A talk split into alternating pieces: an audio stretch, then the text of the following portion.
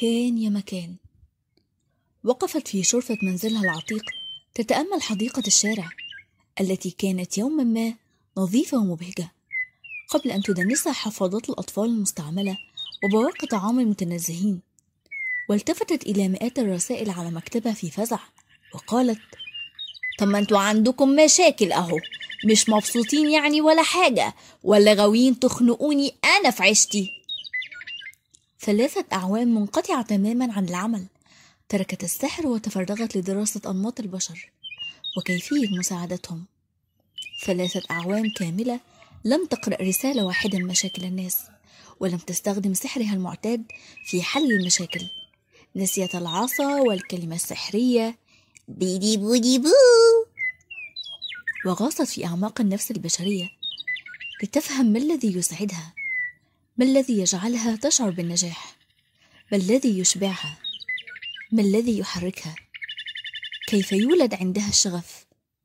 كيف ترقى عن مستوى الاحتياج الحيواني من أكل وشراب إلى مستوى آخر من الإشباع النفسي والرقي بالذات؟ وبعد الانقطاع الطويل قررت فتح الرسائل القديمة ولفت نظرها مجموعة رسائل في مظروف مميز بلونه الأحمر فبدأت بها وكانت المفاجأة. الرسالة الأولى. عزيزتي الساحرة أنا عايزة أولا أشكرك على الفستان والحاجات الجميلة اللي عملتها لي يوم الحفلة. أنا رحت وانبسطت جدا وعجبت الأمير واتجوزنا بس أنا دلوقتي متضايقة. كل حاجة في الأول كانت تحفة وتجنن بس من بعد شهر العسل وأنا حاسة إنه مش مهتم بيا زي الأول. أنا بقعد لوحدي كتير جدا وزهقانة وساعات كمان بقعد أعيط مع نفسي وهو السبب في الحالة النفسية اللي أنا فيها دي. قوليلي أعمل إيه؟ ممكن تعملي لي سحر يخليني مبسوطة؟ سندريلا. أما الرسالة التانية من غير مقدمات أنا تعيسة. جواز إيه وبتاع إيه؟ يا ريتني ما رحت الحفلة. أنا وحيدة ومليش حتى أي صحاب. طول عمري ماليش صحاب غير الفيران والعصافير والكلب. ولما اتجوزت ومشيت من بيت مرات أبويا سممتهم كلهم. أنا وحيدة جدا وبكره نفسي وحياتي. واتخنت وبقى عندي تضاريس ما شافهاش كولومبوس حتى في الخريطة. حاسة إن ماليش صحاب. ماليش أي لازمة وكل الأحلام اللي كانت عندي وأنا صغيرة انتحرت. مش عارفة أنا عاوزة أعمل إيه ولا عارفة أعمل إيه في عيشتي. ساعديني لو سمحتي قبل ما انتحر. سندريلا. أما الرسالة التالتة. عزيزتي الساحرة شكلك مشغولة جدا أو يمكن متي بقى معرفش.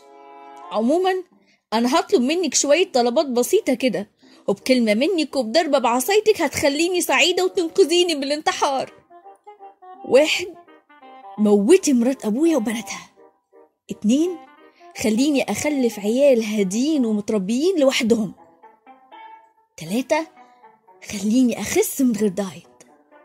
أربعة خليني أرجع حلوة ورقيقة وبسكوتة زي زمان. خمسة خلي الأمير يسيب كل اللي في إيده ويقعد معايا. ستة خلي رقم خمسة يحصل من غير ما يقرفني ومن غير الفلوس ما تقل. سبعة خلي الناس الرخمة كلها تموت. تمانية خلينا أبقى سعيدة. تسعة؟ خلينا أبقى سعيدة. عشرة؟ ما تخليني سعيدة بقى. سندريلا. يا إلهي إيه كل النكد ده؟ قالت باستنكار. ده أنا مش مستحملة التلات رسايل منك. أمال جوزك عامل إيه بقى؟ خلينا نشوف إيه الحكاية دي. عزيزتي سندريلا أسفة جدا إني ما كنتش برد عليكي. أنا الحقيقة كنت في أجازة بعد ما حضرت تدريب شاق جدا للساحرات على طرق جديدة لمساعدة الناس من غير سحر ولا شعوذة. زمن المعجزات خلص يا سندريلا ومفيش أي سحر في الدنيا هيخليكي سعيدة وإنتي مدية بوز النكد ده. المهم خلينا نتقابل ونشوف إيه حكايتك. هتلاقي الكارت بتاعي مع الجواب وعليه المواعيد بتاعتي. أشجان. وفي اليوم التالي دق جرس باب منزل أشجان المتواضع لتفاجأ بفتاة في أول الثلاثينات من عمرها. قد شحب وجهها من الحزن وامتلأ جسدها من الدهن. اجتمعت فيها جميع علامات اليأس والإحباط والإكتئاب والحيرة. أهلا وسهلا. إيه ده يا سندريلا؟ شكلك اتغير قوي. وإيه كل الحزن اللي في جواباتك ده؟ أنت مين الأول؟ ومال شكلك اتغير كده؟ ومين أشجان دي؟ مش أنت اللي مؤاخذه ال- مش أنت ال- ال fairy godmother؟ الا مؤاخذة لا حضرتك. ما قلتلك. بطلت سحر ومفيش حاجة أصلا اسمها جود ماذر وفيري ده بقى صابون مواعين. أنا اسمي الحقيقي أشجان بطلي رغي وخشي في الموضوع. باختصار أنا حاسة إني حزينة وتعيسة ووحيدة ومليش أي 30 لازمة في الدنيا. عايشة باكل وبشرب وبلبس وخلاص. لا مبسوطة مع جوزي ولا مع حد ولا لاقية حتى نفسي. مش عارفة أعمل إيه. حاولت أعمل حاجات كتير. سفر وسافرت. خروج وخرجت. ما سبتش حاجة حتى الشغل جربت. تخيلي أنزل أشتغل وأنا مرات الأمير. دايما حاسة إن في حاجة ناقصة. في حاجة في حياتي عايزة تتظبط عشان ألاقي سعادتي الحقيقية وأحس إني عايشة بجد. طيب احكيلي إيه اللي حصل واحدة واحدة؟ مفيش. زي ما انت عارفة. أنا كنت طفلة سعيدة ومنطلقة لحد ما أمي ماتت وبابا اتجوز. مرات أبويا ست مريضة نفسيا وبتكلم نفسها كتير بالليل مجنونة وربنا. تخيلي بتغير مني وأنا قد بناتها؟ وكل همها بناتها يتجوزوا بأي شكل. وطبعا محدش هيتجوز فيهم لأنهم متخلفين لا بيعرفوا يتكلموا ولا يلبسوا ودمهم يلطش. أنت يا بنتي مش اتجوزتي وخلصنا؟ مالك ومالهم؟ استني ما أنا جايلك في الكلام أهو. أنا بس بحب أحكي قصتي من الأول عشان أفتكر العذاب الأليم. المهم عشت مع مرات أبويا وبناتها حياة صعبة جدا. ما كنتش بقدر أقول لهم لأ على أي حاجة. ماما علمتني أبقى طيبة مع الناس كلها وهم كانوا بيستغلوني. المهم يوم الحفلة كل البنات اتعذبت إلا أنا. مرضوش يخلوني أروح عشان أنا أحلى منهم. المهم انت إلهي يكرم أصلك. ظهرتي ولبستيني الفستان إياه والجزمة وخليتيني آخر ألاجة ورحت الحفلة. ورقصتي مع الأمير والساعة بقت 12 فانت جريتي والجزمة وقعت منك وهو لقاها ولبسها لك واتجوزته. كل ده عارفينه. إيه مشكلتك؟ الصبر يا حاجة. اولا بقى الجزمة ما وقعتش مني. اللي حصل إن الأمير أما طلب يتجوزني أنا اتلخبطت. وقعدت أفكر أوافق ولا لأ. خفت أكون بتسرع يعني وداخلة على حاجة مجهولة تضيعني. قلت اللي أعرفه بقى أحسن من اللي معرفوش خليني مع مرات أبويا. وديها حفظتني وحفظتها. وأنا أصلا مش جو قصور وحفلات. مش متعودة يعني. وبعدين قلت لنفسي هتفضلي برضو كده لحد إمتى؟ ما يمكن دي فرصتك تعيشي وتقبي على وش الدنيا. واصوم نفسي بدل ما أنا متمرمطة ليل نهار.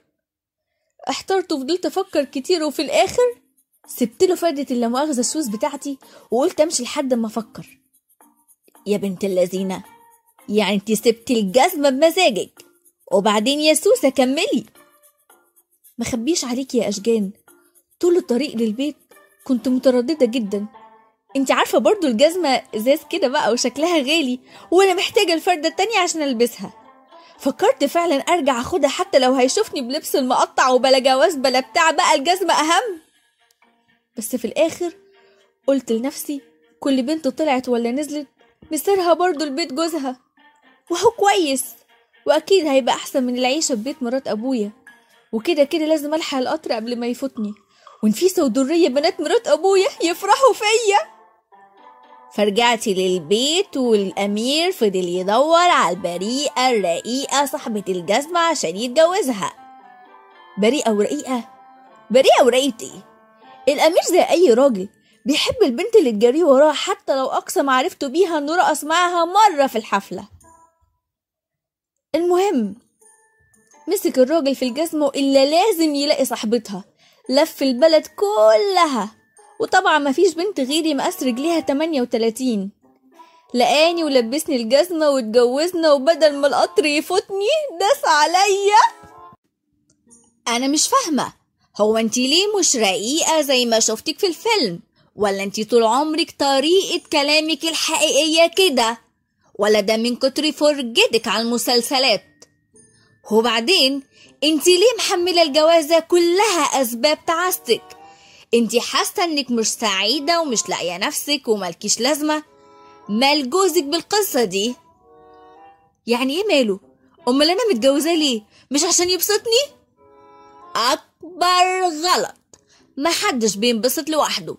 لو انتي معرفتيش تبسطي نفسك بنفسك لو جوزك عملك قرد مش هتنبسطي. إزاي يعني؟ خليني الأول أسألك سؤال واضح انتي عاوزة تنبسطي ليه؟ عشان أعرف أعيش وعاوزة تعيشي ليه؟ عشان لازم أعيش آكل وأشرب وأخرج وأتكلم مع الناس وأتفسح وكده يعني طب ما انتي بتعملي كل الحاجات دي اوريدي عاوزة إيه تاني؟ بعملها بس مش حاسة. أنا ماليش نفس ولا لازمة. أكيد مش هقضي حياتي كلها بعمل كده وخلاص. ليه؟ طب ما هو عادي جدا.